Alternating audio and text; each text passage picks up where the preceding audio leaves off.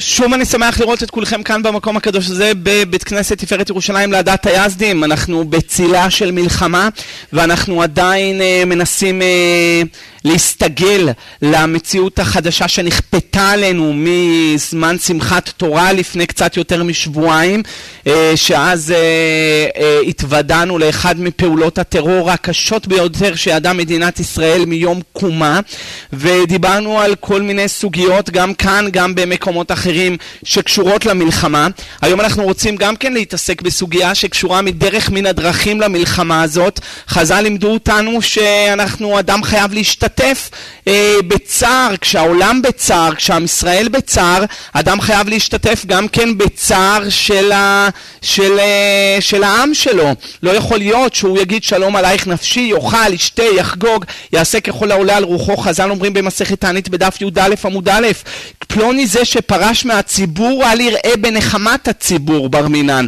ולכן אתה רואה שלחז"ל היה כל מיני הלכות שהכניסו אותנו גם לתקופות כאלה להשתתף בצער העולם, להשתתף בצער עם ישראל, להשתתף בצער העם היושב בציון, וכולנו נמצאים עכשיו בצרה וצוקה, לא סתם כבר אומרים סליחות במוסיוף, אה, כל יום עושים באחרי צהריים סליחות, וגם אה, אה, כבר אמרו הגדולים שצריך לעשות אבינו מלכנו, זה לא הלכה, זה לא חייב. אני בבית כנסת שאני מתפלל בבוקר לא עושים אבינו מלכנו, אין לי אה, שום מקום להשפיע שם, אבל זה לא חייב, ואם מישהו לא אמר אבינו מלכנו לא קרה שום אסון ולא קרה שום היזק, אה, אבל ראוי, ראוי להגיד גם אבינו מלכנו וגם להגיד סליחות, וכמובן כל אחד יפשפש במעשיו, ואל יאמר זה דרכו של עולם, כי הרמב"ם כותב שמי שיגיד זה דרכו של עולם הוא אכזר, זה מידת אכזריות, אין דרכו של עולם, הכל זה בהשגחה פרטית להעיר אותנו, להכין את העולם לגילוי מלכותו יתברך.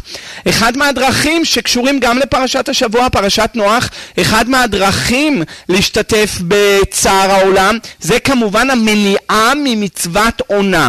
חוץ מהרעיון הזה שחז"ל אמרו לנו להתענות, ויש uh, מתריעים ומתענים ומתאבלים וקוראים בשמיים וזועקים לשמיים ועושים את ההשתדלות מבחינתנו, מבחינת התפילה שלנו, יש גם השתדלות אחרת מבחינת התעניות, שיש כאלה גזרו לעשות תעני, שני וחמישי ושני, ולהתענות, ואשרי מי שיכול לעשות את זה. עוד הפעם, גם זה לא חובה, כל אחד יעשה מה שהוא יכול כדי לתקן את עצמו ולהשתתף בקופה הכללית של עם ישראל לעורר רחמי שמיים.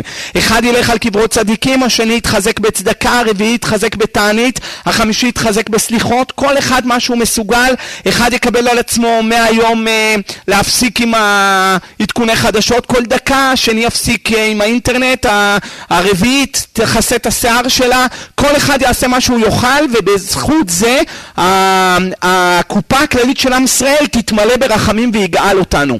מה שבטוח שמשהו קורה עכשיו בעולם האצילות.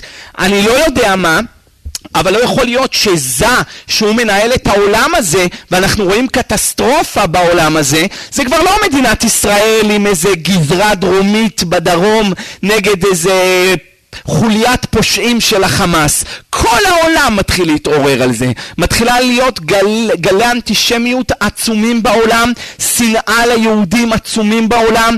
יש מקומות שמכריזים בריש גלי ב, אה, בתמיכה פרו-פלסטינית אה, ואוהבים את הערבים. הגם שכרגע מדינות העולם לכאורה נראות כתומכות בישראל, לאט לאט זה הולך ומתקרר להם, וחבל שהמדינה עוד לא נכנסה לעשות שמות ושפטים בעזה. בעזה, אני לא נכנס לשיקולים של המדינה כי אני לא יודע מה הולך בקבינט ומה השיקולים המדיניים שלהם מבפנים. אולי יש להם מידע אחר שאנחנו לא יכולים להתייחס אליו כרגע נקודתית.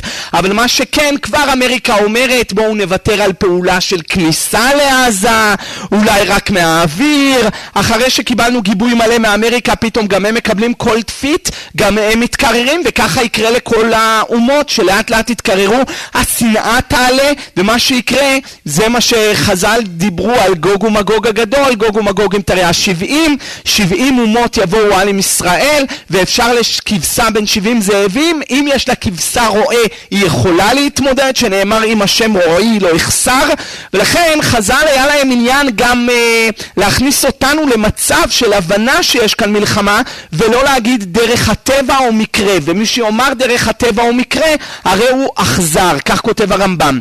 אחד מהמצוות שיש לנו, כמובן זה מצוות עונה, שרק סוטה עונתה לא יגרע, הגמרא אומרת במסכת יומא, בדף ע"ז, שאישה שלא מקבלת את המצווה הזו, יש לה צערה דגופה, לכן זה נקרא עונה מלשון עינוי, היא מתענה, וזה אחד מהעונגים שהקדוש ברוך הוא נתן לבני האדם בסימן ר"פ בשולחן ערוך באורח חיים, זה גם נקרא עונג שבת, ושם יש פלפול אם מותר לעשות את המצווה הזאת בפעם הראשונה ביום, ראש, ביום, ביום שבת, כיוון שהוא חובר חבורה, הוא ממילא מוריד דם, וזה אסור, והיא גם מצטערת מזה, אבל יש בזה פלפול גדול וההלכה זה הותר, ויש זמנים לזה, כמו שהגמרא מביאה בכתובות בדף ס"ב, איך שיהיה, אחד מהדברים שחז"ל מנעו אותנו לכאורה בזמן שהעולם בצער זה המצווה הזאת. ולכאורה צריך להגיד, מה, אנחנו עד כדי כך צדיקים? הגעת לי עד למצוות עונה למנוע אותנו? הרי יש מצוות אחרות, כמו לשון הרע, כמו ביטול תורה, כמו בדיקה מה אנחנו רואים ומה אנחנו אוכלים ומה אנחנו שומעים, אבל תכף נראה אם בכלל המצווה הזאת נוהגת היום או לא נוהגת היום, אבל את המצווה הזאת אנחנו לומדים במסכת תענית, בדף י"א עמוד א', אמר רבי שמעון בן לקיש, אסור לאדם לשמש מיתתו בשני רעבון, שנאמר וליוסף יולד שני בנים בטרם תבוא שנת הרעב. תנא, חשוכי בנים, אלה שאין להם ילדים, עוד לא קיימו מצוות פרו ורבו, משמשים מיתותיהם בשנות רעב. רש"י כותב, אסור לשמש מיתתו בשני רעב, דצריך אדם לנהוג עצמו בצער. מה זה חשוכי בנים? שלא קיימו מצוות פרו ורבו. עד כאן הגמרא, זה המקור היחיד בתלמוד הבבלי, י"א עמוד א' מסכת תענית, וכאן לאדיה הוא מדבר דווקא על שנות רעב. ונכון שרעב זה דבר אה, איום ונורא שאין לבריות מה לאכול, זה אחד מהדברים שהקדוש ברוך הוא מדקדק עליהם, דף י"ז עמוד ב' ממסכת ברכות, הגמרא אומרת אומרת כל העולם ניזון בשביל חנינה בני, אין לנו, ראו, אין לנו אפילו זכות להיות ניזונים בזכות עצמנו. אנחנו ניזונים בזכות הצדיקים. מה הדין אם מפני הרעה נאסף הצדיק ואין צדיקים ובאה מכת רעב? אז הגמרא אומרת אם יש מכת רעב לא מקיימים את המצווה הזאת. אמר רבי שמעון בן לקיש, אסור, אסור זה לשון התלמוד, לאדם לשמש מיתתו בשני רעבון. יש לגמרא הזאת מקבילים בירושלמי ובזוהר, וכל פעם שאני מביא מקבילים אני שם לב עם, בהרגשים אם יש איזה משהו חדש שאתה יכול ללמוד ממקור הירושלמי או הזוהר, שלא למדנו את זה בבבלי. אני קורא את הגמרא הירושלמית ותגידו לי אם שמתם לב למשהו או לאיזה נקודה שאין בה בבבלי. הירושלמי זה תענית פרק א' הלכה ו', אמר רבי עיבון, בשעה שאת רואה חסרון בעל העולם, עשה אשתך גלמודה. אמר רבי לוי, וליוסף יולד שני בנים, הם מתי? בטרם תבוא שנת הרעב. קודם כל, יוסף קיים מצוות פרו ורבו או לא? כן או לא? כמה ילדים היו לו? שני בנים. אז הוא קיים מצוות פרו ורבו? אז מה זה, אז מה הגמרא אומרת? כאילו בוא, בוא תראה את יוסף הצדיק, איך הוא נמנע מעצמו. למה? כי הוא כבר קיים מצוות פרו ורבו, אבל לא הייתה לו בת. אז לכאורה זה, השגה על יוסף, תכף אנחנו נראה בשיעור אם יש לנו שאלה על יוסף. תניא אמר רבי יהודה תאווה בנים משמשים מיתותיהם, אמר רבי יוסי ובלבד יום שטבלה בו אשתו, ויש בזה פלפול גדול, ואני לא רוצה להיכנס לדקויות. האם יש הבדל בין הירושלמי לבבלי בהצהרה של ההלכה? ב statement של ההלכה? מה? או, זה הפשט, זה, זה ההבדל המהותי ביותר. בגמרא אומרת, אסור לאדם לשמש מיטתו בשני רעבון, משמע דווקא אם רעב בא לעולם. אבל ירושלמי לא אמר כך, בשעה שאתה רואה חיסרון בא לעולם, משמע כל דבר שהעולם כבר לא מתנהל כשורה, משהו קורה עכשיו בעולם האצילות. זה מנהיג את העולם הזה. אם אתם רואים ששר ההשגחה מעם ישראל, משהו קרה למעלה בעולם האצילות. כנראה, וככה ליבי אומר אומר לי, אני לא יודע, לא עליתי לאצילות ולא בא אליי מלאך ולא התגלה אליי, אבל ליבי אומר לי שכרגע, ככה אני אומר, כן? אם אני טועה איתי תלין משוגתי, שכרגע זה נמצא בדורמיתה של הששת אלפים שנה. כל יום זה נמצא בדורמיתה, אנחנו מנסרים יעקב ורחל, מנסרים אותם, מביאים אותם קדימה בתפילה, עושים איחוד, ובשים שלום, ואז יורד לבן אדם שפע. כל יום בתפילה, שלוש פעמים הוא אומר שים שלום, הוא מביא את רחל מקדימה ועושה איחוד ויורד לו, יורד לו אה, שפע לבן אדם. ב, בלילה יש אה, אה, אה, דורמיתה יותר גדולה, כי זה של כד שעות, כ"ד שעות, אז זה הוא כאילו בדורמיתה, הוא מחובר בכותל אחד גב אל גב עם נוק דזה, אני מסביר את זה מאוד מהר כי בטוח שאתם לא מבינים מה אני מדבר, אבל רק לאלה שמבינים, ואז ממילא יש מידת הדין בלילה יותר, מנסרים אותם חצות לילה, רחל יורדת לבריאה, לאה באה מלפניו, ואז יש איחוד, איחוד, אה, איחוד זון. אבל בראש השנה יש אה, דורמיתה יותר גדולה, היינו דורמיתה של כל הי"ב חודש, ואז זה נרדם כאילו, הרי לכאורה מה, זה יושן? מה, הנה לא ולא ישן, שומר ישראל. אז יש פסוק בתהילים שכתוב שמה, אורה השם למה תישן? נכון? יש פסוק כזה? אורה השם למה תישן? אז משמע הוא ישן. אז מה אתה אומר הנה לא ענו ולא ישן שומר ישראל? אלא זה מדבר על זה שבאמת יש לו דורמיתה, הוא מנהיג את העולם הזה, הנשמות של כולנו באו מזה, ולכן זה יש לו זמנים שהוא נרדם. עושים לו נסירה על ידי השופר בראש השנה, מאירים אותו, ואז מביאים אותו מקדימה ויורד שפע. אבל מה שכתוב הנה לא ענו ולא ישן שומר ישראל זה אריך אנפין, שאצלו אין שינה, אינה דלה דמיך ולה נעים, מה שאנחנו אומרים בתשליך. אז אריך אף פעם לא ישן, הוא לא ינום ולא ישן שומר, על מי הוא שומר? על זה שנקרא ישראל גם. אז זה שאנחנו קשורים בו הוא נרדם.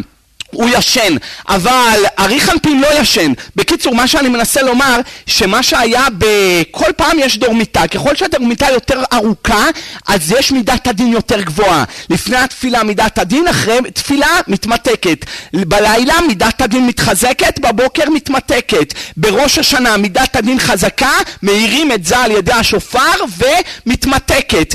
ב-70 שנה היה זה בדורמיתה בשעת המן הרשע, כמו שמביא בשער הקמנות לראות בדף קט, ישנו עם אחד מפוזר ומפורד בין העלמים. מה הוא אמר שם? מה הגמרא דרשה? מה זה ישנו?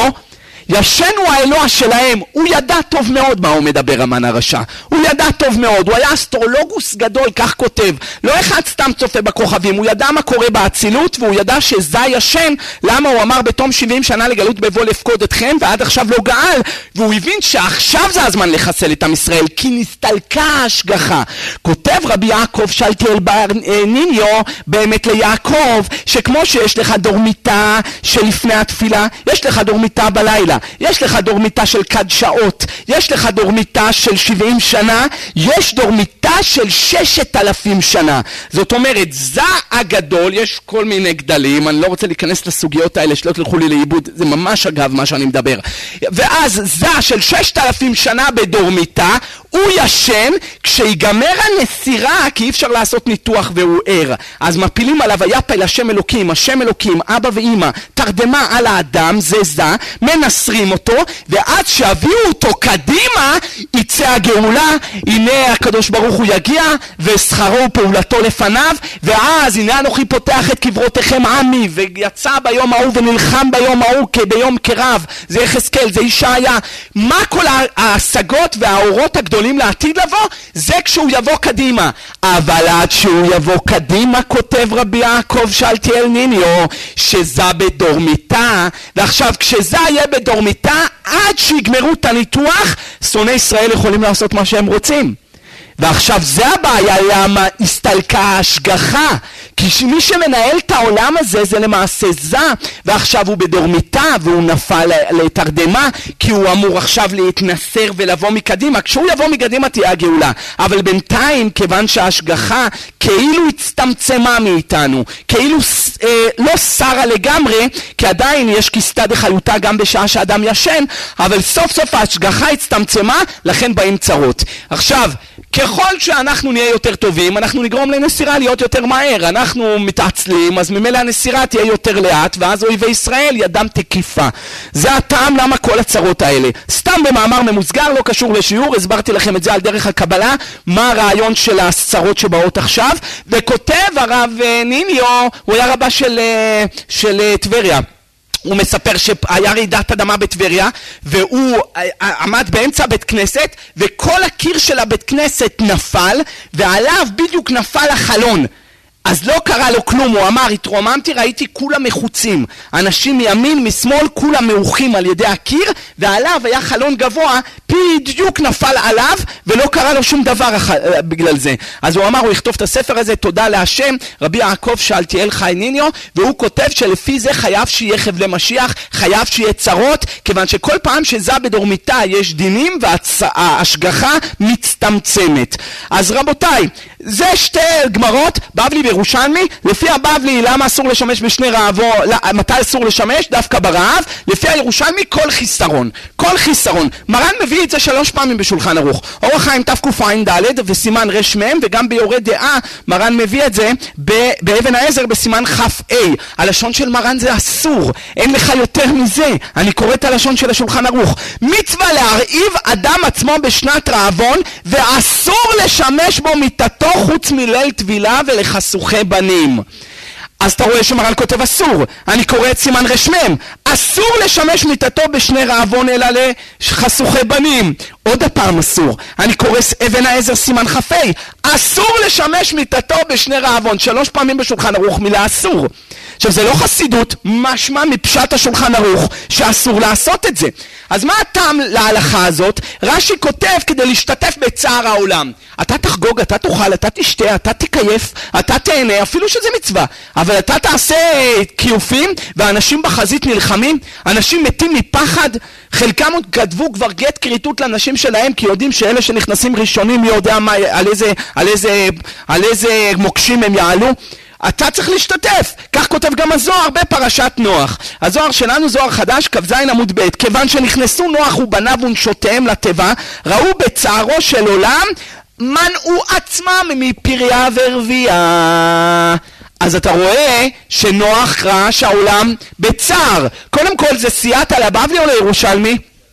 לירושלמי, למה? כי לא דיברנו על רעב. לא דיברנו על רעב, אולי המבול זה כל שכן רעב. למה? מה היה לו? מה שהיה לו אוכל בתיבה זה מה שהיה לו.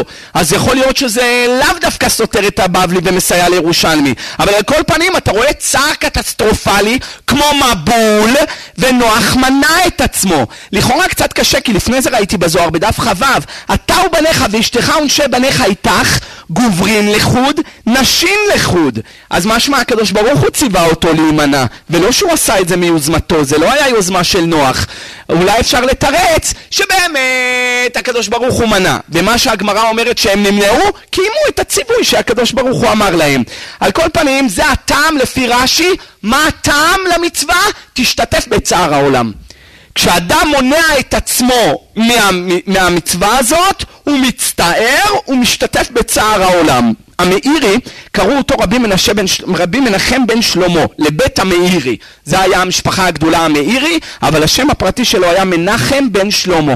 מה זה בן שלמה? למה לא אמרו מנחם, אני יודע מה, בוחבוט? למה אמרו בן שלמה? שמות משפחה כבר דיברנו על זה בכמה הזדמנויות שזה חידוש בעולם. מעולם לא היה שמות משפחה, תמיד היה שם של בן אדם ושם של אבא שלו. יצחק בן אברהם, תמיד היה שם ושם אבא שלו. רבי שמעון בר יוחאי, רבי יהושע בן לוי, אף פעם לא היה שמות משפחה. זה משהו שהתחדש במאות שנים האחרונות, וכבר אמרתי לכם שצריך לעשות שיעור על שמות משפחה, אנחנו נדבר על זה. שמות משפחה אצל הספרדים, בפרט אצל הבגדדים, תמיד היה כמו שמות פרטיים. דתיים. משפחת אליהו נקראו על שם חכם אליהו, משפחת עובדיה על חכם עובדיה, היה משפחת יוסף על שם חכם שקראו לו יוסף, משפחת שמש היה חכם קראו אותו שמש, אז תמיד השמות משפחה של הבבלים זה כמו שמות פרטיים על שם החכם שכל החמולה התייחסה אליו, אבל אה, אחר כך התחילו לעשות שמות משפחה על שם המקצוע, משפחת uh, גולדמן היו מוכרים זהב, סילברמן היו מוכרים כסף, פישמן היו מוכרים דגים, ברמן היו מוכרים, בייקרמן היו מוכרים לחמים, אני יודע מה, זה ככה היה. אצ, אצ, אולי אצל הספרדים משפחת אה, צובע המן, אני יודע מה, לא, לא היה לנו גולדמן ו... ו אה? נגר, זה, זה מה שהיה לנו. אבל לא גולדמן ולא פישמן ולא סקנדלבדיאמן.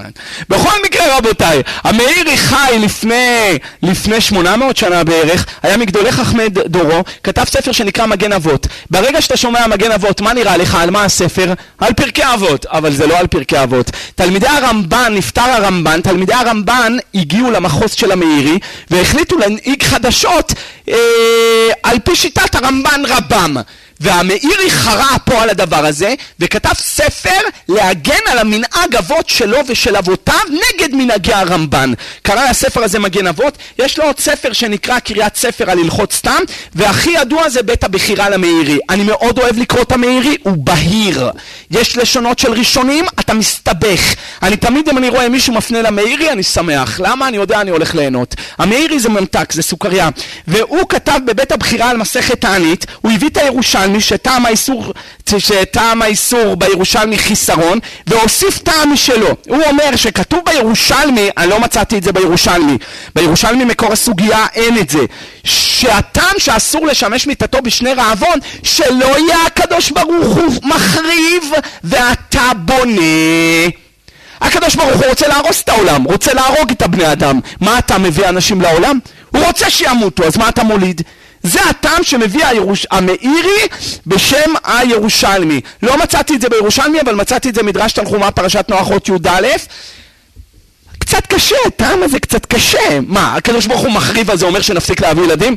אז לא נביא יותר ילדים? לא יודע. אבל כן, אני מח... מבין את הטעם שלא הוא מחריב ואתה בונה. אף פעם לא הבנתי. אם מישהו יש לו מחלה, והוא הולך לרופא והרופא מרפא אותו, הוא סותר מעשיו של הבורא ברוך הוא? הרופא או לא? תקשיבו טוב לשאלה, עוד הפעם, אדם חולה, מי הביא לו את המחלה? השם יתברך הכל בידי שמיים חוץ מצינים פחים. הביאה עליו מחלה שהיא לא צינים פחים. וזה מחלה שהקדוש ברוך הוא רוצה שהבן אדם יהיה חולה. הבן אדם הלך לרופא וריפא אותו. הרופא לא סותר מעשי ידיו של הקדוש ברוך הוא? סותר או לא? בפשטות, סותר או לא? סותר, זה בפשטות, מה לא, מה לא, השם, השם מביא לו מחלה אז, אה, וה, וה, וה, והרופא מרפא אותו, אז בפשטות הרופא סותר מעשיו של השם. השם רצה שהוא יהיה חולה, וה, וה, וה, והרופא עושה שהוא לא יהיה חולה, אז הוא סותר. רק מה, זה מותר, כי פעמיים בש"ס, ברכות דף ס', בבא בקמה בדף פ"א, ורפו ירפא, מכאן שניתנה רשות לרופא לרפות. אבל אם לא היה הגמרא הזאת, ולא היה הפסוק הזה, משמע שאסור היה לרופא לרפא, כי אתה סותר מעשיו של הקדוש ברוך הוא. אז זה מילתא דפשיטא, עכשיו פתאום המאירי מקבל סנס. הקדוש ברוך הוא רוצה להחריב את העולם. אתה הולך ובונה את העולם? אם הקדוש ברוך הוא במבול החריב את בני האדם, אז נוח הבין, אם השם לא רוצה בני האדם, אז אני לא עכשיו יביא, יביא ילדים לעולם. רבי יהודה פתאיה כותב שהוא עשה ייחודים וכוונות כדי לתקן את הנשמות מכף הקלע, והוא עשה שאלה בבית דין של מעלה, ושאל אותם שלושה שאלות, הבאתי אותם בספר שלי, מרכבות הגמול, מרכבה י"ב, את כל הדיאלוג עם הבית דין של מעלה והשליח שהוא שלח לשם על העליונים, פלא פלאות הרבי יהודה פתאיה הזה.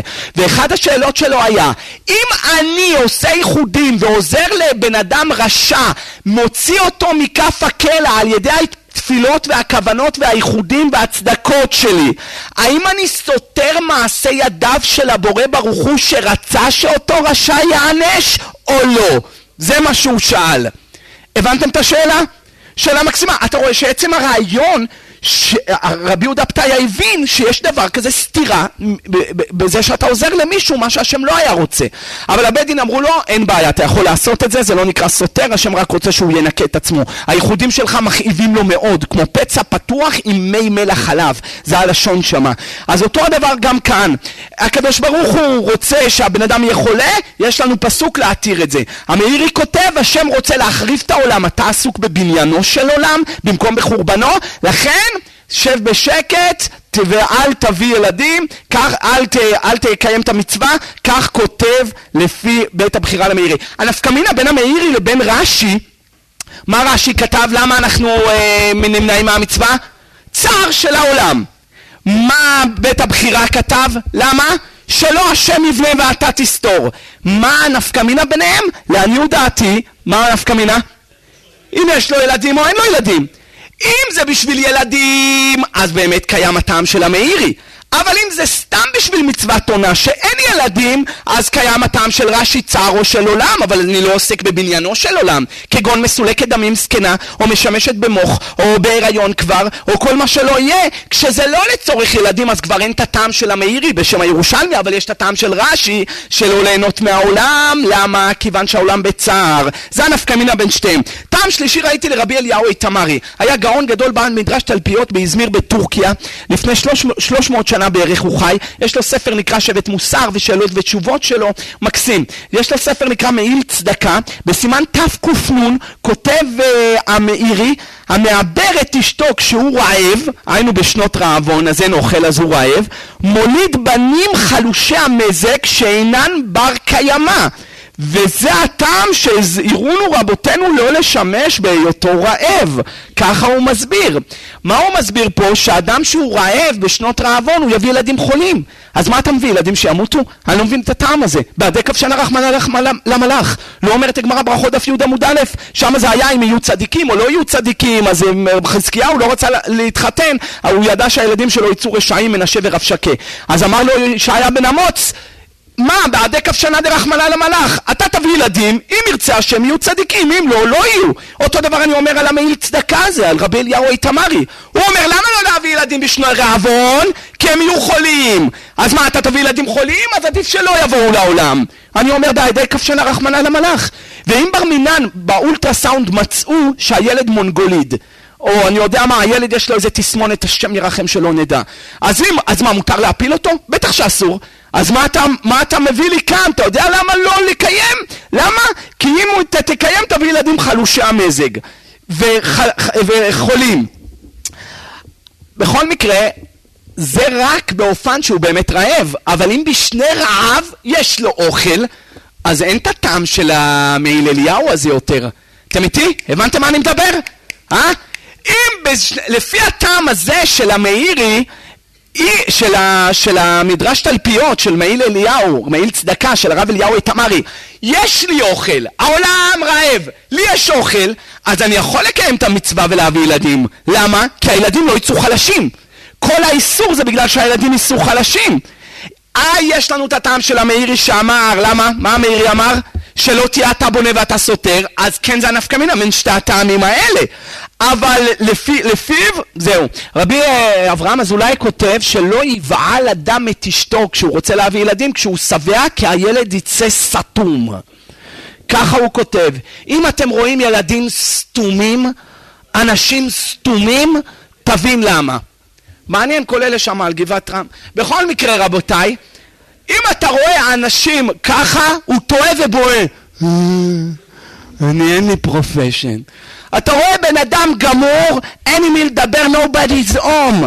אין אף אחד בבית, תדע שאבא שלו עשה אותו כשהוא שבע מדי. לכן על דרך הפשט מחכים לחצות לילה כדי שייתקל האוכל.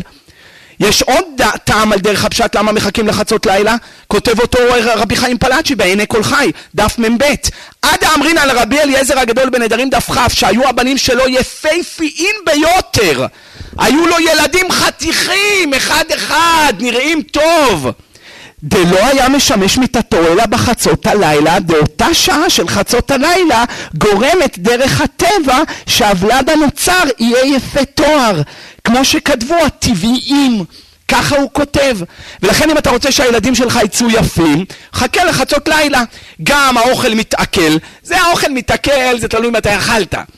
אז הם היו אוכלים לפני השקיעה, ממתי כהנים נכנסים לאכול בתרומתם. זה הזמן שהיו אוכלים זה בשקיעה. אז האוכל מתעכל, חצות לילה האוכל אה, כבר מעוקל. אז אתה לא רעב מצד אחד ואתה לא שבע מצד שני, בדיוק זמן ממוזג. אבל... אה, יש עוד עניין למה חצות לילה, לא רק בגלל שהאוכל יתקל, אלא גם מפני שאז הילד יצא יפה. וכדאי לך שהילדים שלך יצאו יפים. למה? כותב היעווץ לא האמנתי שראיתי את זה, דף ס"ג יבמות, לא האמנתי. כותבת שם הגמרא, אישה יפה, אשרי בעלה, מספר ימיו כפולים. אם אדם יש לו אישה יפה, אז אשריו של בעלה. למה? כי יש לו כאילו הוא חי פעמיים. יש לו קורת רוח, בית יפה, אישה יפה, כלים נעים, מרחיבים דעתו של אדם, רואה את אשתו, נוח, לא צריך לחפש בחוץ. ויש נשים שבבית הכי מוזנחות. הכי ג'וחות בתוך הבית שלהם. כשהן יוצאות, מתארגנת, מתגנדרת, בדיוק הפוך. לבעלך את צריכה להתארגן. לבעלך, למה את צריכה להיות ג'וחה סמרטוט מול הבית שלו, שאחרי זה הוא יצא, יסתכל אחר כך בחוץ? אז שהוא ישמח לבוא לבית, שיהיה לו כיף לראות את אשתו. יש אנשים, איך שהבעל נכנס, היא בטלפון, היא ממשיכה להיות בטלפון. אל תתפלא שאחרי זה יש בעיות בשלום בית. את לא מתייחסת אליו בכלל. או שעושה... אז מה את אומרת? יעני, תאכל, תחלק, הנה יש פה את האוכל שלך, תאכל. בדיוק הפוך! כשהבעל נכנס הוא צריך לראות שהוא הכי חשוב! את שומעת סימה? בעלי נכנס אז אני אדבר איתך יותר מאוחר, כל טוב. ולסגור. או אמרתי מונשרי, איך עבר עליך היום, התגעגענו אליך בבית. מה, באמת? לא. אבל התגעגענו אליך. צריך. יש לפעמים שאפילו זה טוב שהיא תעשה את עצמה. היא שומעת אותו פותח את המנעול של הדלת, תרים את הטלפון, אה, טוב, אה, הנה בעלי סימה, בעלי הגיע, אז אני חייבת לסגור. לפחות נתת לו להרגיש טוב עם עצמו. יש לי שיעור שנקרא, אני חושב, חיים מאושרים, ששם דיברתי על עניינים בינו לבינה, ונתתי טיפים לשלום בית כדי לתת בוסטים כאלה, במיוחד אחרי שהמערכת יחסים נשחקת, כשמתרגלים אחד לשני, וכבר אין גיצים, וצריך לעורר את האהבה עד שתחפץ, וזה בשיעור אחר, תשמעו את זה שם. מכל מקום, יש עניין אה, שהילדים שלך יהיו יפים. כותב היעבץ, אדם שיש לו אישה יפה, מספר ימיו כפולים. למה? אדם שיש לו אישה יפה, הילדים שלו יצאו יפים. אם אתה יצאת מכוער, מה אתה יכול לעשות? קווזימודו, קווזי. מה אתה יכול לעשות? מה שאתה רואה במראה, נדפקת. זה מה שיש. זה מה שיש. זה הגנטיקה הדפקה שקיבלת מההורים, שקיבלו מההורים, שקיבלו מההורים. זהו זה. מה אפשר לעשות? זה מה יש. אין מה לשנות. היום יש עמק הסיליקון, הורדות, תוספות, מתיחות. פתאום אתה רואה, והיא בבוקר והנה זו לאה. בכלל התחתנתי עם רחל. אבל יש תיקונים. constructions. זה נקרא שיפוצים, מה שנקרא. אבל לפחות אשתך תיקח אישה יפה, שאם אתה במעמד כזה ביופי, לפחות תיקח אישה שתרים לך קצת את הילדים שיצאו יפים, לפחות נורמליים. אבל אתה רואה ילדים יפים. כותב היעבץ רבי יעקב עמדין, שאם יצאו לו ילדים יפים, יהיה לו קל לחתן אותם. זה הטעם למה לקחת אישה יפה, ככה הוא כותב, לכאורה, למה לקחת אישה יפה? אתה לוקח אישה יפה, היא יודעת שהיא יפה, היא רוצה להתגדנר, היא רוצה לצאת בחוץ, היא רוצה להשווית, היא רוצה להראות את עצמה, אז מה אתה צריך את הכאב ראש הזה? חז"ל בכלל מדברים בדף כ"ה מסכת שבת, אישה יפה, יפה במעשים, אבל פה אנחנו מדברים על יופי חיצוני, על נוי חיצוני, ויש לי שיעור על זה, יופי האדם, תשמעו את השיעור הזה ששם דיברתי, למה כל האבות הקדושים נזכרו שהיו יפים, וחווה יפהפייה, ושרה יפהפייה, ויוסף היה יפה תואר ויפה מראה, ורחל הייתה יפה, וכולם יפים. אבל היהדות לכאורה מגנה את החיצוניות ואת הקליפה, משבחת את הפנימיות. אישה יפה במעשים. מה פתאום מזכירים אותם ליופי? הבאתי את ה contradiction הזה, הבאתי את הסתירה, כדאי לשמוע את השיעור הזה, יופי האדם, ושם פלפלתי בכל הסוגיה הזאת. על כל פנים, הנה כאן סגולה מבית מדרשו של רבי חיים פלאג'י, למה לחכות לחצות לילה לקיים את המצווה? הילדים יוצאים יפים.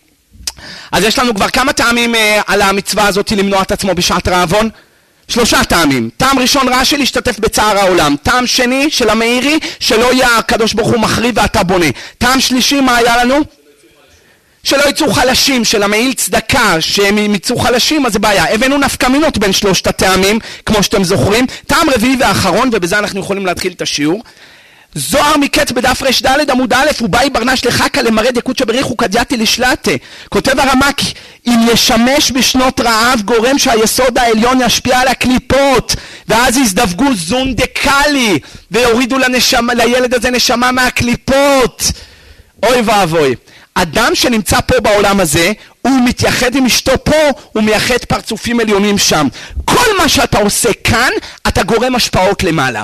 אתה מנענע לולב כאן, אתה עוצר רוחות רעות שיכולות לגרום צרות בעולם בעליונים. אתה מניח תפילין, אתה, מתנע, אתה מתעטף בציצית, אתה אוכל מצה, כל פעולה מכל התרי"ג מצוות היא עושה רושם כביר במישור הרוחני בעליונים. כשאתה מתייחד כאן עם אשתך, אתה בעצם מייחד את הפרצופים העליונים למעלה. אז עכשיו כשיש רעב וצרות ובעיות, הפרצופים העליונים לא מתייחדים. כמו שהזכרתי לכם לפני, בתחילת השיעור. למה הם לא מתייחדים? כי הם אח באח, הם אחור באחור, זה בדורמיתה, הוא לא בא קדימה, הוא לא מנוסר, לכן יש צער בעולם. אז מי כן מתייחדים כשהם, כשהם באחור? מי כן בפנים? זון דקליפה, זכר ונקבה דקליפה, סמי ולילי. מישהו הראה לי שהוא צילם בפלאפון שלו, הוא גר בתל אביב ושם יש אינטגרציה בגן יהודים עם ערבים. ואז הוא הראה לי בגן, יש שם את השם אבא של שבת ויש שם את הפתקים של הילדים. אבא של שבת חאלד. זה אבא של שבת, אימא של שבת פטמה אז אמרתי לו, תראה מה זה, זום דקליפה, מאחדים אותם ביחד בשביל שיהיה עוד צרות. הם יודעים מה הם עושים, שלקחו את חאלד ופטמה. אבל על כל פנים, זה הטעם למה לא לשמש על דרך הסוד בשנות רעבון, כי כשאתה מתייחד, אתה מייחד את הפרצופים העליונים. ואם ייחדת הזון דקדושה, אז הילד שיצא מהזון דקדושה, הנשמה הזאת יורדת לבן שלך. ואם ייחדת את הזון דקליפה, אז הנשמה שיוצאת יורדת לבן שלך. זה כל הסוד, הרחתי הרבה בספר שלי מרכבות קודש, כדאי להשיג את זה. כל מי שכאן בפוטנציאל, בפוטנציאל להביא ילדים, במתכנן להביא ילדים, חייב לקחת את הספר הזה. אני אומר לכם, רבותיי, אתם אל תבכו אחר כך, תקראו את הספר, תקראו אותו, תעשו אותו חברותא עם האישה, ותדעו מה לעשות ומה לא לעשות. שלא תבכו אחר כך. מי שכאן הוא צעיר ובפוטנציאל להביא ילדים, שייקח את הספר מרכבות קודש. מי שכבר סגר את המפעל, אז שיקרא תהילים. כל אחד יקרא מה שהוא יכול לקרוא, מה אני אגיד לך? שיקרא תהילים. בכל מקרה רבותיי, כשאתה מתייחד כאן, באיזה שעה, מה שקורה בשמיים, הנשמה שאתה מוריד, זה מה שהילד יקבל. לכן צריך אחרי חצות לילה של שבת, שאז יש זון הגדולים, זה המעלה הכי גדולה. ספר עמק המלך, כותב הרב הירץ. שער ט"ז, בשנות. בשנות רעב, או בשעה שמידת הדין מתוחה על ישראל, כמו עכשיו, קבלה שאין שום נשמה יורדת מלמעלה, שלא תהיה נעשקת על ידי הסטרה אחריו, ולכן אל ישמש אדם מיתתו בזמנים האלה.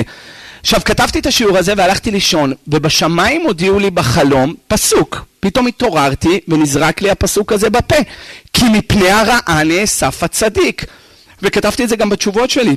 בשו"ת שלי בחלק ח' באבן העזר, תשובה ראשונה, שם פלפלתי בסוגיה הזאת, ושם כתבתי שבחלום הודיעו לי את הפסוק הזה, כי מפני הרע נאסף הצדיק. ואיך זה מתקשר אלינו? הצדיק זה היסוד. מפני הרעה יש רעה בעולם, אז נאסף הצדיק. הוא לא יוצא ומשפיע את עצמו לנוקבה שלו, אלא הוא נאסף. זה הטעם, זה הרמז שרמזו לי בסוד הקומותי את בריתי, בסוד uh, הקמת המשכן, מי שיודע, אי אפשר לדבר יותר מזה. רבותיי, ארבע טעמים יצא לי, אחד להשתתף להשתתף בצער העולם זה רש"י, שתיים שלא יהיה היסק הוא בבנייה והשם בחורבן זה המאירי, שלוש שלא יוליד, יוליד בנים חדשים זה רבי אליהו תמרי, ארבע זה הזוהר עם המפרשים שלא ימשוך לבניו נשמות לא טהורות. נפקמינות ביניהם כבר הבאנו כמה נפקמינות ביניהם אם התשמיש הוא לצורך הולדה או לא להולדה, אם יש לו אוכל או אין לו אוכל, אם עסקינן דווקא בשנות רעב או בדברים אחרים, אלה הנפקמיות בין, בין הטעמים. והרמה באורח חיים סימן רשמן כותב, הוא הדין שאר צרות, כמו שהם, כמו רעבון. שאלה קודם כל, האם זה דווקא רעב או יתר הצרות? הרמה כותב גם יתר הצרות, לא רק רעב, גם יתר הצרות. והסכימו איתו החלקת מחוקק על אבן העזר, התז, הבית שמואל, הבאר היטב, כולם הסכימו שזה גם בשאר צרות ולא רק בצרה הזאת של רעב. אבל בספר עולה תמיד אור החיים סימן רשמם כותב שכל הצרות שאסור בתשמיש הן דווקא אותם שנזכרו בשולחן ערוך תקע"ו. יש פה אה, משנה ברורה? יש פה? תביאו לי תקע"ו. אז בתקע"ו הוא כותב, תודה רבה, תודה. אז בתקע"ו כותב מרן את, ה, את הצרות שעליהם נהגו לעשות תענית ולקרוא סליחות ולזעוק לשמיים. זה מה שמביא שמה, מביא שמה אה, מרן. בואו נקרא לכם מיד את הלשון של מרן שמה, בסעיף הראשון. הוא כותב שם, רגע, מה זה? חבל לא עשו את האותיות יותר קטנות. כשם שמטענים ומתרעים על הגשמים, כך מטענים על שאר הצרות, כגון עכו"ם שבאו לערוך מלחמה עם ישראל, בדיוק כמו החמאס, בדיוק כמו שאנחנו סובלים עכשיו. מטענים ומתריעים, צריך לעשות תענית ולהתריע עם שופרות. או ליטול מהם מס, או לקחת מידם חלקים מארץ ישראל. או לגזור עליהם צרה, אפילו מצווה קלה, מטענים ומתרים עד שירוחמו מן השמיים. זאת אומרת, כולם צריכים לשבת בתענית עד שהצרה תעבור. מי יכול לעשות את זה? אמרו לעשות שני חמישי שני כבר כולם עם הלשון בחוץ, רק חושבים על זה. אז צריך עוד להודיע, לא, זה לא רצופים, זה לא... תראה מה כותב שולחן ערוך. עכשיו, על הצרות האלה אומר הרמה, על כאלה צרות לא לשמש מיתתו. רק על כאלה. לפי הרמה, אני מזכיר עוד הפעם, לפי הרמה הוא הדין בשעת צרות שהם כמו רעבון, לפי העולת תמיד דווקא הצרות שמוזכרות כאן, זה נפקא מינה לשת... לנו, זה נפקא מינה לנו. עכשיו זה באים הגויים לרצוח אותנו? כן. זה רוצים לקחת ולשלול חלקים מארץ ישראל? כן. אז הנה יש כאן נפקא מינה שלפי ההלכה, אם אנחנו הולכים לפי העולת תמיד, לפי השולחן ערוך, צריך למנוע מצוות עונה. יש לך, חוץ מחסוכי בנים, שאמרו עליהם שכן הם משמשים. יש מי שיקל שלא כל הצרות בכלל זה, זה הרב חיים בן אשתי. מה הוא כתב? כנסת הגדולה. נולד בשנת 1600, לפני כמה זמן? כמעט 400 שנה. בקושטא בטורקיה, משפחה מיוחסת מגולי ספרד, היה תלמיד רבי יוסף טרני, הוא מונה להיות הרב של אה, איזמיר, ושם הוא נפטר, כתב ספר אה, דינא דחיה הלכות אבלות ופירוש על הסמ"ג, וכנסת הגדולה שפרסם אותו מאוד. שהרי כנסת הגדולה, באורח חיים סימן רשמי, הוא מחדש, דווקא צרות שדומות לרעב. כמו מה? מה דומה לרעב? ירקון, שידפון, חסיל, הרבה, אלו דברים שהורסים את התבואה. על זה אמרו לא ישמש מיתתו. אבל צרות אחרות דלא דמי לרעב, לא נאסר התשמיש, ככה הוא כותב. וזה עוד יותר מקל. יותר מקל ממנו זה רבי יעקב קסטרו רבה של קהיר. רבי יעקב קסטרו, בטח אתם שומעים קסטרו, מיד עולה לכם לראש קסטרומן. אה? לא? אל תגיד לא, כי השם יראה ללבב. אל תגיד לא. אל תגיד לא שלא נתפוס אותך עם הפפראצ'י שם מודד תחת המכנסיים הלבנות שלהם שם. עזוב, אני יודע איך אתה מתלבש בשבת. ואיפה הבאת אותם אם לא מקסטרו? מאיפה? מרנואר? וואלה, לא יודע, זה מ... מטירה הביא אותם.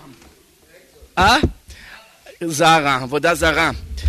רבותיי, קסטרו אה, היה רבי יעקב קסטרו היה רבה של קהיר, היה גאון גדול, יש לו ספר שנקרא, אה, הוא היה תלמיד המהרלבך, ויש לו ספר שנקרא ערך לחם על השולחן ערוך בסימן רשמם. הוא כותב, יש שומרים דהו הדין לשאר צרות, למנוע את המצווה של העונה, ולא נהגו כן, אלא דווקא רעב.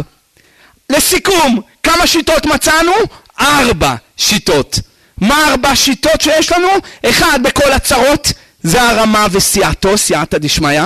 שתיים, דווקא צרות שיש לי טענות עליהן, מה שקראתי לכם בשולחן ערוך, זה העולת תמיד. שלוש, דווקא צרה שדומה לרעב, זה היה שערי כנסת הגדולה. ארבע, דווקא רעב. זה היה רבי יעקב קסטרו, שכותב דווקא רעב. רבותיי, אם באמת כל צרה צריך להימנע, איך מצאנו שכתוב בתורה כל הבן היורה תשליכו? איך עמרם הלך והחזיר את יוכבד והוליד את משה? איך זה יכול להיות שהוא הוליד את משה? היה שם צרה? בטח היה. רצו לרצוח את עם ישראל? לא רצו, רצחו בפועל. הכניסו את כל התינוקות ליאור. אכזרים כמו דעש היו המצרים הארורים האלה. נו, אז מה? אז השאלה עכשיו, איך יכול להיות שעמרם הלך וקיים אה, מצווה עם אה, אשתו? מה תגיד לי, לא יצא ידי חובה? לא נכון, הוא כן יצא ידי חובה, היה לו שתי, שתי ילדים בן ובת. מי? אהרון ומרים. נו, אז מה תענה על זה? אולי הוא רצה לצאת כמו בית, שמ... כמו בית שמאי שאומרים שתי בנים ובת, ולא היה לו בן. אז היה לו רק בן אחד. אולי. יש מי שרצה לתרץ ששם זה היה עילת העילות וסיבת הסיבות סובבה ממנו לשכוח את ההלכה כדי להוציא את נשמת ראש משה רבנו הגואל. לדידי יותר מעניין להגיד שהוא סובר כמו בית שמאי שצריך שתי בנים ובת ואז ממילא אין לו בעיה כי הוא צריך שתי בנים לשיטת בית שמאי והיה לו רק בן אחד. נו, אש של אברהם מבוצ'אץ' כותב בסימן רמ שאין בזה אלא מקומו ושעתו, אבל כבר אמרו בכתובות ג' עמוד ב' גזירה היא עבדא דבטלה, מה שאין כן שנות רעבון. פלא עצום של אברהם הזה, אני פשוט נשגב מבינתי איך הוא הביא את זה. הוא כותב שרעב זה גזירה משמיים, גזירה משמיים כדי שתעבור צריך הרבה סייעתא דשמיא למתק את מידת הדין. מה יש לנו כמו רבי אליעזר בדף כ"ה במסכת uh, תענית שירד לפני התיבה, אבינו מלכנו ירד גשם, יש לנו כמו רבי יהודה במסכת uh, ברכות דף כ', חשל יפחדה משנאה תמיתרא, אנחנו לא כאלה, אנן צווחינן כולה יומא ולטמן דמשגח בן, אין מי שמשגיח עלינו. לא, לרצות את העליונים קשה מאוד, אבל גזרה שבאה על ידי בן אדם, יכול להיות הוא ימות, אמן. יכול להיות שיקבל התקף לב, יכול להיות הוא יתח... ית... נמלח בו ויבטל את הגזרה. ולכן גזרה שאמרו שהיא רעה שלא לשמש מיתתו זה דווקא גזרה שבאה בידי שמיים. כמו רעבון שבא מידי שמיים כמו קורונה, זה יותר נראה לי כמו בא מסין, אבל לא נורא. אבל גזרה שהיא על ידי בשר ודם שעמד עליהם, ממילא יהיה מותר לשמש אפילו שהעולם בצער ואפילו שעם ישראל בצער ואמרו כל הבן היורה תשליכו, זה הטעם למה עמרם אה, יכל להיות עם אשתו כי הוא הבין שההלכה הזאת היא רק בגזרה מידי שמיים ולא גזירה בידי בני אדם. הבנתם את התירוץ שלו? מצוין. לפי זה אפשר לתרץ. אסתר המלכה עליה השלום, מגילה בדף י"ג עמוד ב', עומדת מחיקו של אחשורוש, טובלת ויושבת בחיקו של מרדכי. מי התיר לך לשמש? שמה, עכשיו מה זה יושבת בחיקו? יושבים קוזי כזה, with hot cocoa, על הנדנדה רואים שקיעה? מה זה ביושב... בחיקו משמשת, זה מילים נקיות, חז"ל מדברים לשון שפה נקייה, כמו שמוכח מהגמרא פסחים בדף ג', שלעולם ידבר אדם בלשון נקייה, ולא ידבר משמשת, יושבת בחיקו. אז עכשיו, הייתה הולכת לאחשורוש, יושבת בחיקו, טובלת, ואחר כך יושבת בחיקו של מרדכי, מי התיר לך? קודם כל איפה שלושה חודשי הבחנה? ומי בכלל התיר לך? אז חז"ל ומתוספות הרגישו בזה, אמרו הייתה משמשת עם מוך. היינו באמצעי מניעה שמה, הייתה זה, משמשת, ואז ממילא לא הייתה.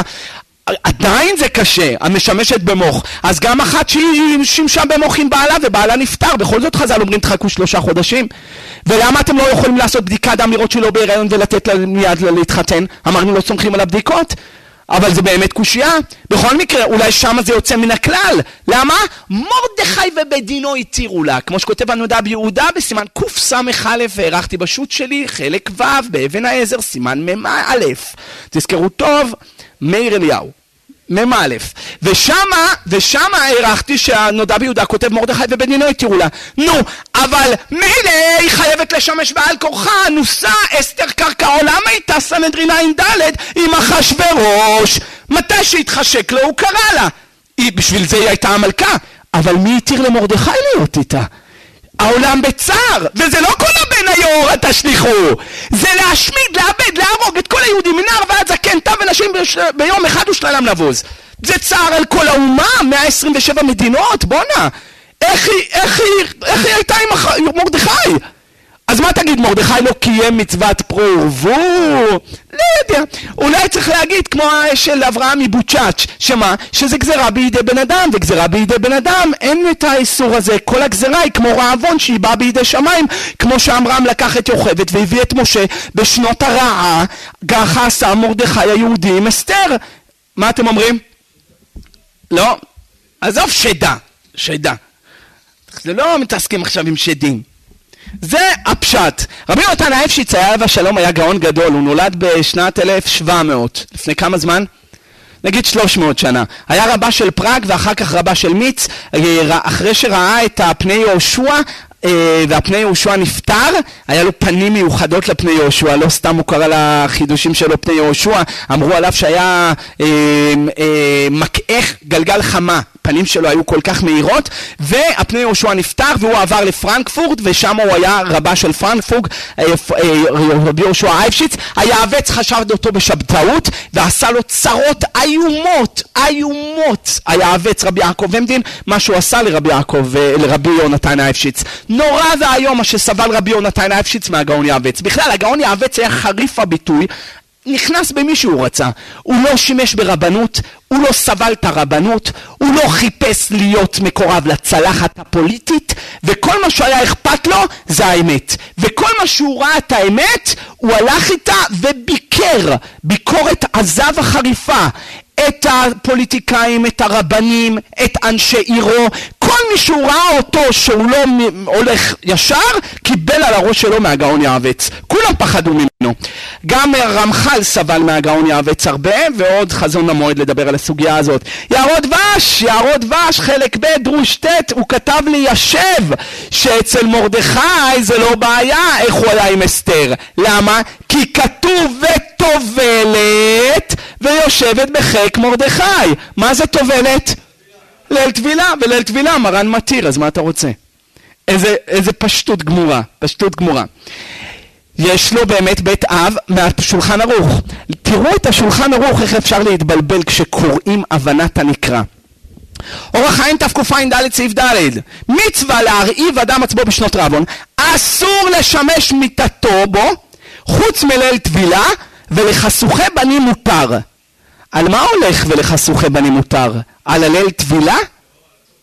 או תמיד לכולם מותר בליל טבילה ולחסוכי בנים מותר תמיד או שלא לחסוכי בנים מותר רק בליל טבילה ולכל השאר גם בליל טבילה אסור הבנתם? נקרא עוד פעם את הלשון שתתבלבלו יותר? אמייזין אסור לשמש בו מיטתו חוץ מליל טבילה ולחסוכי בנים מותר. או שצריך להגיד, ואסור לשמש מיטתו חוץ מליל טבילה לחסוכי בנים מותר. זה שתי אופציות לראות את זה. מה אני אגיד לכם? נחלקו גם בזה הפוסקים, איך להבין. כן, כי זה המחלוקת בירושלמי, איך אנחנו מבינים את הירושלמי. אמ, בית יוסף מביא מהירושלמי ולומד ממנו כמו הדרך השנייה, שמה? שלכולם מותר וליל טבילה לכולם מותר ולחסוכי בנים יהיה מותר אה, תמיד. אבל לא כך כותב אליה רבה, ואליה רבה כותב לחסוכי בנים הוא דמותר בליל טבילה, ולכל השאר אסור. אז יש כאן מחלוקת בהבנה של הירושלמי. כך כותב המגן אברהם, כמו האליה רבה. רבותיי, נניח שהאיסור הוא רק בשנות רעב, איך יצחק משמש עם רבקה אשתו? היה שם רעב או לא היה רעב? קודם כל, איפה כתוב שיצחק היה משמש עם, יצח... עם רבקה אשתו? ויהי יצחק מצחק את רבקה אשתו. אז הוא שימש איתה מצחק, זה לא סיפר לה בדיחה מה שסיפרו לו היום בכולל, הוא שימש איתה. היה עשרה מכות רעב, הרעב הראשון היה בימי האדם הראשון שנאמר ארורה האדמה בעבורך, הרעב השני בימי נוח, כי זה נוח ינחמנו מעצמון מעשה ידינו מן האדמה אשר יראה השם, מלמד שהיה רעב. הרעב השלישי היה בימי אברהם אבינו, שוויה וירד מצרימה ויאמר לשרי אחותי את, הרעב הרביעי היה מתי? יצחק אבינו, וילך יצחק גררה, כי כבד הרעב בארץ. החמישי היה בימי יעקב אבינו, כי זה רעב, כי זה חמש שנים רעב בקרב הארץ, ועוד, כי זה שנתיים רעב בקרב הארץ, ועוד חמש שנים אשר נדייש ואין בציר, ככה אומר להם יוסף הצדיק. אחרי זה היה רעב בימי, אה, בימי דוד המלך, שאל, שאל באורים ותומים מפני מה בא הרעב, אמרו לו על שלא הספידו את שאול ועל בית הדמים, על נוב. ואחרי זה היה רעב בימי, בימי שופט השופטים, ויהי רעב בארץ, ולכיש מבית לחם יהודה יגור בשדה מואב, הוא ואשתו ושני בניו. בסוף יהיה רעב לעתיד לבוא לא רעב, ללחם לא צמא למים, לא צמא למים כאילו לשמוע דבר השם. נו, אז עשרה מכות רעב, היה רעב בימי יצחק? כן. איך הוא שימש את רבקה אשתו? אה? מה תגיד על זה? נו? היה רעב, אנשים רעבים, מחפשים בביבים, מחפשים לחם, דבק, דבק הלשון שלהם לחך שלהם. אז זו שאלה, הרגיש בזה בספר דרך פיקודיך, והוא כותב בעשה חלק הדיבור, ליישב מי שלא זכה עדיין לזכר ונקבה, מותר, ויצחק לא היה לו זכר ונקבה. אז גם, אז, וזה היה עוד לפני שהוא הוליד את, את הילדים שלו, את שתי הבנים. אז ממילא זה לא בעיה. ריטב"א כותב שההלכה הזאת דווקא בצרה של ישראל, אבל לא בצרה של הגויים. לכן אם הגויים עכשיו, למה לא עשינו את השיעור הזה כשרוסיה פלשה לאוקראינה? מה אכפת לי מהם? שיאכלו אחד את השני. מה, סכסכתי מצרים במצרים? מה לי ולהם? אז עכשיו גם כאן, גם כאן, למי היה רעב בארץ? לגויים. יצחק היה מיליונר. ויזרע יצחק בארץ ההיא וימצא בש... בשנה ההיא 200 שערים ויברכהו השם. אז הוא היה עשיר, אז לא היה לו מה אני צריך להשתתף בצרה של הגויים עכשיו לא לשמש עם אשתי בגללם? אז ממילא זה ההיתר. טוב, עדיין קשה. מה עם יוסף הצדיק, איך הוא שימש? היה שם שבע שנות רעב. אה? יכול להיות שצריך לתרץ את אותו תירוץ של הריטב"א, כשהרעב הוא על הגויים אסור, אבל הרעב, אז אם הוא הרעב על הגויים אסור, אז למה כתוב וליוסף, כל ההלכה אתה לומד ממנו, וליוסף יולד שתי, שני בנים בטרם תבוא שנת הרעב, מכאן שאסור לו לשמש בשנות רעב. למה? אבל יוסף, יש לך אוכל. יש לך אוכל, כל האיסור זה אם אין אוכל, אבל יש לך, וזה גם צרה של הגויים. אז למה הוא היה צריך, למה אתה צריך ללמוד לי את זה? מיוסף הצדיק. הבנת את השאלה? קושייה עצומה. מה כמו רש"י? להשתתף בצער העולם. אבל למה? זה טוב שמצרים ומצרים מסתכסכים, זה טוב ליהודים. אחד אוכל את השני וידנו על העליונה. אני שואל עוד, יוכבת, איפה היא נולדה? בין החומות, בבא בתרא קכ"ד עמוד ב'. רגע, אז לפני כמה חודשים אבא שלה עיבר את אמא שלה? לפני תשעה חודשים. היא נולדה בין החומות. והם הגיעו למצרים כי זה שנתיים רעב, הוא מתוודה לאחים שלו כי זה שנתיים רעב בקרב הארץ ועוד חמש שנים הם הגיעו כשהתחילו את החמש שנים זאת אומרת, עיבר אותה, אה, אה, אבא שלה, לוי, עיבר אותה בתוך השנתיים של הרעב. איך הוא מקיים את השנות, אה, בשנות רעב אה, מצוות עונה? לא, הם לא היה אוכל. למה תתראו? דף י' בתענית, נו, בפשט, אם לא היה אוכל, למה, איך, איך הוא עשה את זה? שמה להם לא היה, אתה לא יכול להגיד זה צער של הגויים, לא היה להם. קושייה עצומה, תוספות תרצו. כולי עלמא לא אבי איסור, אלא למי שרוצה לנהוג בהלכה הזאת, וזה רק כל ההלכה הזאת היא חסידות בעלמא. הרסו לי את כל השיעור. כל השיעור הרסו לי התוספות. מה? כל ההלכה הזאת זה חסידות, אתה רוצה תפדה, לא רוצה הביתה, מה אתה רוצה? מה אתה רוצה? ויוסף נהג חסידות, ולוי אחיו לא נהג חסידות. לא צריך להסתבך יותר מדי. ככה הם תוספים. טוב, מה הם יעשו עם הלשון של הרמב"ם והשולחן ערוך ששלוש פעמים כתב אסור, אסור, אסור, לפי הגמרא בתן, חסידות! לא כל מקום שכתוב אסור, זה אסור! לפחות לא בשולחן ערוך. שולחן ערוך צריך לפתוח עם מפרשים, אתה יודע, הגזימו, פעם היה שולחן ערוך עם מגן אברהם, מגן דוד, וקראו לסס שולחן ערוך מגני הארץ. היה פעם שולחן ערוך עם פרי חדש ופרי מגדים, קראו לזה שולחן ערוך פירות גנוסר. היום אתה פותח, אתה הולך לאיבוד, דגול מרבבה, הגאות הגרק, הגאות זה, הגאות זה, אתה רואה את כל הערים האלה, אתה אומר, טוב, אני אלך לילקוט יוסף. כבר, אתה משתגע, אתה רואה את כל, כל, כל ההגזמה. אותם אלה שעשו לך אה, חוק לישראל. היה חוק לישראל, ככה חמישה כרכים פשוטים. פתאום עשו את זה חמש עשרה כרכים, כאילו לזכות הרבים. מי יכול לגעת בזה? אף אחד לא נוגע בזה. תבואו לבית מדרש, תראו את זה מעלה אבק. למה? הכניסו לך שם אור החיים, והכניסו לך שם עוד הלכות, והכניסו לך שם שמה והכניסו והכניסו והכניסו מחמישה כרכים עשו חמש עשרה כרכים אז מתי נלמד? זה ככה חוק לישראל זה אפרטיב כזה. יש לזה עניין על דרך הקבלה אבל זה אפרטיב מתי אני אלמד כמו שצריך הלכה? מתי אני אשקיע בית יוסף אם אני כל היום רק אפילו חוק לישראל הקטן של חמישה כרכים אם אתה יושב על המשניות כמו שצריך זה שורף לך את כל הזמן ולא גורס את זה. אז מי צריך את כל האורך הזה? סתם! להרוא, ל, ל, אני מקווה שזה לשם שמיים. בוא נגיד את זה ככה.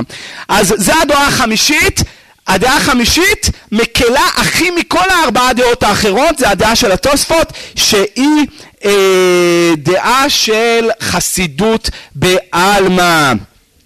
תירוץ נוסף, איך יוסף לא שימש ואחיו לוי כן שימש, מביא החשק שלמה, רב שלמה הכהן על מסכת תענית, והוא כותב, לוי סבר כדעת בית הלל, ויוסף סבר כדעת בית שמאי, ולוי סובר כמו בית הלל שצריך פרו ורבו, ולא היה לו נקבה עדיין, אז הוא שימש בשנות רעב, ולעומת זאת יוסף סבר כמו בית שמאי, שהם סוברים שצריך שתי בנים לצאת ידי חובה, וכבר היו לו שני בנים, אז כיוון כיוון שהיו לו שני בנים, אז הוא יצא ידי חובה. תירוץ כל כך פשוט, פשטות גמורה. העיון יעקב כתב חידוש. למה יוסף... רגע, אבל יוסף לא היה בת. אז אחרי ששלמה אמר... הוא, הוא לא סובר שצריך להביא בת, הוא צובר שני בנים. נגמר. אבל באמת, ההלכה היא לא כמו בית שמאי. הלכה כמו מי? בית הלל, אז חוזרת השאלה, למה יוסף לא שימש עוד הפעם עם אשתו, כמו שאחיו לוי שימש כדי להביא את יוכבד, יוסף היה צריך להביא לנו גם את, את יוספה. למה, למה יוסף לא שימש להביא גם נקבה? קושייה. והוא כותב שליוסף כבר היה בת. חידוש חדשות הערב הזה. סרידתי או סרידתי. בואו תשמעו חידוש. הוא מביא ראיה שליוסף הייתה בת. אדוני שאל את עבדיו לאמור, יש לכם אב או אח? רש"י, מתחילה בעלילה באת עלינו, למה היה לך לשאול אותנו אם יש לכם אב או אח? וכי בתך אנו מבקשים? אז מכאן שהיה לו בת! ככה הוא כותב, לדידי דחוק עד לב השמיים! זה דרך האנשים לדבר! מה, אני רוצה את הבת שלך, תגיד לי? והוא אין לו בנות, רק בנים. ככה מדברים! זה, אני לא יודע איך הוא כותב את זה, העיון יעקב, אבל לשיטתו היה ליוסף בת, וכי בתך אנחנו מבקשים. הם לא דיברו בתך אנחנו מבקשים כי היה לו בת, הם דיברו בתך אנחנו מבקשים כי ככה דרך העולם. אני צריך את הבת שלך, אני לוקח את הבת שלך, תלך אתה והבת שלך. אז לא דיברנו איתו על זה, אבל ככה מבין העיון יעקב, ולשיטתו היה לו בת, הרב חידה תפס עליו, פתח עיניים שם וכותב שאם כדבריו היה צריך להגיד וליוסף יולד שני בנים ובת בטרם תבוא שנת הרעב. ולא אומר את זה. אלא מה? בהכרח שלא היה לו בת וצריך לחזור לשיטת החשק שלמה שאומר שיוסף סובר כמו בית שמאי ששני בנים מספיק ולכן הוא לא שימש עם אשתו בשנות הרעב להביא עוד בת כמו לוי אחיו. ברור? יופי. שבות יעקב עליו השלום, מי לא מביא את השבות יעקב? מי גדול הגדולים עד קטן הקטנים? מי היביע עומר עד המרכבות ארגמן? כל הזמן מביאים את השבות יעקב, חלק ג' סימן ל', כותב שוודאי היה ליוסף בת, ועד אלא חשיב אה, כשהוא מונה אותם, יש לומר שמתה בתו של יוסף. איזה חידוש! היה לו בת, ולמה לא אמר שני בנים בבת? למה? כי מתה הבת. אני לא מבין, אז אם מתה הבת הוא חזר להתחייב, אז תביא עוד הפעם. לא מבין בכלל מה כותב פה שבות יעקב, הוא היה גאון הגדול, רבי יעקב ריישר, היה רבה של גרמניה, היה גאון גדול, מי לא מביא אותו? לחם נגד הרפורמים, לא יודע מה, מתה והייתה לו ובת, לא יודע, לא יודע. רבותיי, האם ההלכה הזו שייכת רק לרעב, היום לא מצוי בכלל רעב? כמעט לא. אולי בעזה, אבל כמעט לא מצוי. כותב השערי תשובה תקע"ד בשם חכם אחד שכאשר המזונות מצויים אפילו הם ביוקר גדול זה לא נקרא רעבון. ואין צריך להימנע ממצוות עונה והסכימו עמו כל חכמי ירושלים. משמע אפילו ביוקר כפליים. ככה הוא כותב וכך מסכים איתו שולחן ערוך אה, ערוך השולחן. העידנא אין מצוי שנות רעב ולכן אם נלך לפי השיטה שזה דווקא ברעב אין בכלל את, ההלכה הזאת כותב בשו"ת מישרים, אה, משפט, משפטים ישרים סימן פ', הסתפק מה זה נקרא רעב, וכתב שבזמנה היה רעב והיה עצירת גשמים בשאר צרות ולא מצינו לאחד מגדולי ישראל ש... שפרסם שאסור לשמש. אלא כולם סמכו על התוספות שזה רק חסידות. אבל שולחן ערוך כתב שלוש פעמים שזה אסור, תלמד עם מפרשים, כמו שאמרתי. תלמד עם מפרשים, אל תלמד רק את השולחן ערוך. גם מפרשים, ומשמע שהולכים כמו חסידות, ממילא מותר. הרב יצחק וייס בשו"ת יצחקית, אה, בשו"ת אה, שיח יצחק, סימן קי"ט כותב, הוא בעל נפש יחמיר. רגע, מה הוא בעל נפש יחמיר? קודם כל, לא ברור לי. אין בן דוד בא עד שיכלו כל הנשמות מן הגוף. היינו, יש מקום שנקרא גוף של המלכות, נמצא שם הנשמות. על יש שמביאים ילדים, מרוקנים את הנשמות מההיכל, ואז בן דוד בא. אז מה אתה אומר לי? שבגלל שיש צרות של המשיח עכשיו, אז ממילא מה נעשה? נפסיק להביא ילדים כדי שהנשמות יישארו שם, אז בן דוד לא יבוא. הבנתם את הרעיון? הרי מה דיברתי בהתחלה? ככל שנהיה יותר טובים נעשה יותר מעשים נקרב את הגאולה. אחד מקירובי הגאולה זה להביא ילדים. אז כשאתה מביא ילדים אתה מכלה את הנשמות מהגוף, אז בן דוד יבוא. אז מה אתה אומר לי עכשיו? תעצור, אל תביא ילדים. למה העולם בצער? אז איך יבוא עוד משיח? כל ה... את, אתם שומעים את ה-catch 22 פה? אז זה קושייה. אבל אה, הוא כתב, השיח יצחק, בעל נפש יחמיר. אני שואל אתכם, מה הדין אם הבעל הוא בעל נפש, הוא רוצה להחמיר, והוא אומר קימלי כמו הרמב"ם, כמו דינא דגמרא, כמו המאירי, כמו כולם, כמו שולחן ערוך שלוש פעמים, שזה אסור. אז הוא אומר לאשתו, עד שיעבור המלחמה, ביי.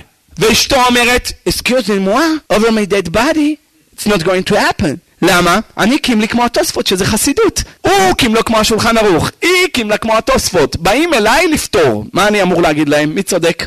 לא מה אתם רוצים, אני שואל מי צודק. רבותיי, הסתפקתי בזה, ואז נזכרתי בחתם סופר. ש... שו"ת חתם סופר יורד דעה סימן קמ"ט. אישה שראתה כתם. אני תמיד תימה על המון אנשים שאין להם אף פעם שאלות בכתמים. אין לו שאלות בכתמים, אשתו תמיד טהורה. בוודאי שהבן אדם הזה עובר על נידה. בוודאי. אין לך אף פעם שאלות על כתמים? תמיד אשתך נקייה? אם אתם מחמירים על עצמכם, שתיכם בהסכמה, אין בעיה. או שהיא מעבירה, אמת הארצי, שפחה חרופה, מעבירה, אומרת יאללה, אתה יודע מה, איזה כלום, איזה כלום. אין לך שאלות על כתמים, שלוש כרכים, טהרת הבית, אין לך בכלל שאלות על כתמים? למה לא תשאל את הרב? אין שאלות על כתמים, הוא כולו, אישה אחרי הלידה הגוף משתנה, לפני הלידה הגוף משתנה, בלחצים הגוף משתנה, אה, חמאסניקים, פחד אימה, הגוף משתנה, אה, אתה לא יודע, ביבי לא מוכן להודות בשהותה הגוף משתנה, כל הזמן הגוף משתנה, אז עכשיו הגוף משתנה בלחצים, בעצבים, אז, איך, אז כל פעם היא רואה כתמים, היא רואה, היא רואה צורות, היא רואה דברים, איך אתה אף פעם לא שואל רב?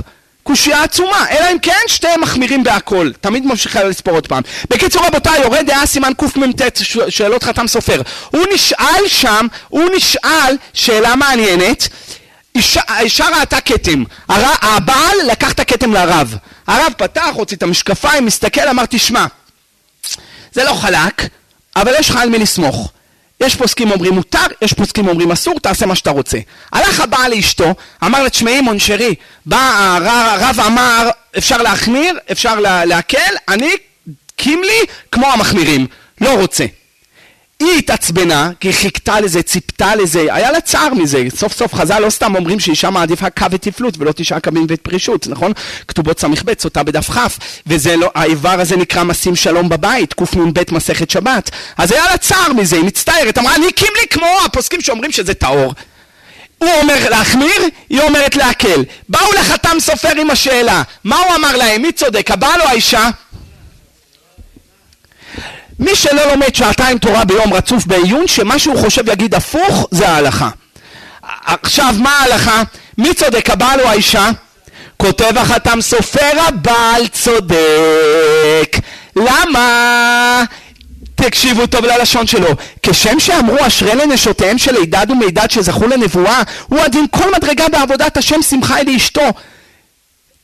אדם זוכה לנפש, לרוח, לנשמה, לחלקים, ברוחניות. אישה איך זוכה לזה? מכינה מטבוחה. מה, ממטבוחה היא תקבל נשמה?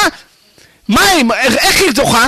הוא מוריד לעצמו על ידי עבודת השם שלו, אוטומטית יורד לה. לכן עומדים לפני אשת תלמיד חכם, שבועות דף ל', מכבדים אשת תלמיד חכם, קוראים אותה רבנית. על מה היא רבנית? על זה שהכינה מרדומה ושקשוקה? על מה היא רבנית? אלא מה? שהוא הכין את ה... אה, אה, הוריד לעצמו חלקים ברוחניות, אותם חלקים יש גם לה, הוא משך לה. ולכן, יופי שהיא צועקת עכשיו, שתצעק. מה שצווחת אתה, שאינה מסכימה, אשתה אותי יתראי לה. מה שהיא צודקת, לא, אני כמו את השפת, אני רוצה כמו השפת. הכלבים נובחים והשיירה ממשיכה. תשתקי, תמשיכי לצעוק. למה? אשתאודי יתראי כותב החתם סופר. היא צועקת, אבל שהיא תבין שבעלה התעלה בעבודת השם, יש לזה הרבה יותר מעלה גדולה, והיא תסכים לו. אז לכאורה מפה אפשר להביא את אותו כנ"ל לספק שלנו. שהבעל הקים לו כמו השולחן ערוך שאומר אסור אסור אסור והיא הקים לה כמו התוספות שאומרים זה רק חסידות הלכה כמו כמו הבעל לא נכון, לא נכון, יש לחלק. כמה זמן ייקח לה להיטהר עוד פעם אצל החתם סופר? עוד שבוע, שבועיים, טוב? כמה זמן עד שיגמר המלחמה בעזה? על הכרים. מה אנחנו יודעים עוד חודשיים, שנה, שנתיים, מי יודע כמה זמן זה ייקח? אז ממילא, אם זה ככה, אז בוודאי אפשר לפסוק לחומרה פה, ולכן זה ודאי, כל ההלכה הזאת היא חסידות. ולכן אין מקום להחמיר בכלל, וככה שאלו את הגאון ציץ אליעזר, חלק ג' סימן כ"א במלחמת יום הכיפורים, שהיו ימי צרה לישראל, ושאלו אותו, שנפלו כל כך הרבה חיילים, האם להפסיק לשמש? אמר להם חס ושלום. אין לאסור תשמיש בימי המלחמה, ומסתבר שאין בזה גם ממידת חסידות. בפרט אצל אנשים צעירים. וככה כותב הנימוקי יוסף תקע"ד בעניין מלחמת העולם הראשונה, והוא כותב אם יהיה אסור לשמש לעולם, אם, אם כל צרה שבאה על ישראל יהיה אסור לשמש, אז אסור לנו לשמש אף פעם. כי כל הזמן צרות מתחדשות עלינו. וגם במלחמת העולם הראשונה, לבוש מרדכי כותב בסימן ר"ד, שיהיה מותר. רבותיי, הלכה אחרונה, ואז אני רוצה להזמין איזה מישהו שנעשה לו נס גדול בדרום, והוא רוצה לשתף אותנו את הסיפור שלו, אבל רק אני רוצה הלכה אחרונה בזה, ובזה אני מסיים. משנה ברורה תקע"ד, סעיף קטן י"ב, כותב חידוש עצום. אם יש לו בנים והם מחללי שבת בפרהסיה ורוצה בנים כשרים, דינו כמו חשוכי בנים שאין לו בנים, ויהיה מותר לו לשמש לשיטת כולם. מה למדנו מזה? שאם חס ושלום הילדים שלו חילונים זה כאילו אין לו ילדים. כאילו אין לו ילדים. כמה אדם צריך להתפלל על הילדים שלו שיצאו צדיקים? כל התפילות שלי, כל תפילת העמידה אני מתפלל על הילדים שלי. כל תפילת העמידה, וכל אבא צריך לעשות את זה. מה אתה חושב, שפתאום צומח עצם פירות מתוקים? מי יודע כמה דמעות, כמה תפילות, כמה... לא סיפרתי שראיתי איזה בחורה אחת הולכת ברחוב ככה. שאלתי את בעלה מה היא עושה? אומר לי, זאתי אשתי צדקת, כל פעם שיוצאת מהבית היא אומרת תהילים להצלחת הילדים, שהילדים יגדלו לעבודת השם. אז מה אתה חושב שזה דבר פשוט עד שיגדלו ילדים, בפרט בדור הזה עם הפיתויים האינסופיים, לכן צריך בזה הרבה סייעתא דשמיא. עד כאן הגיעה ההלכה הזאת, ועכשיו...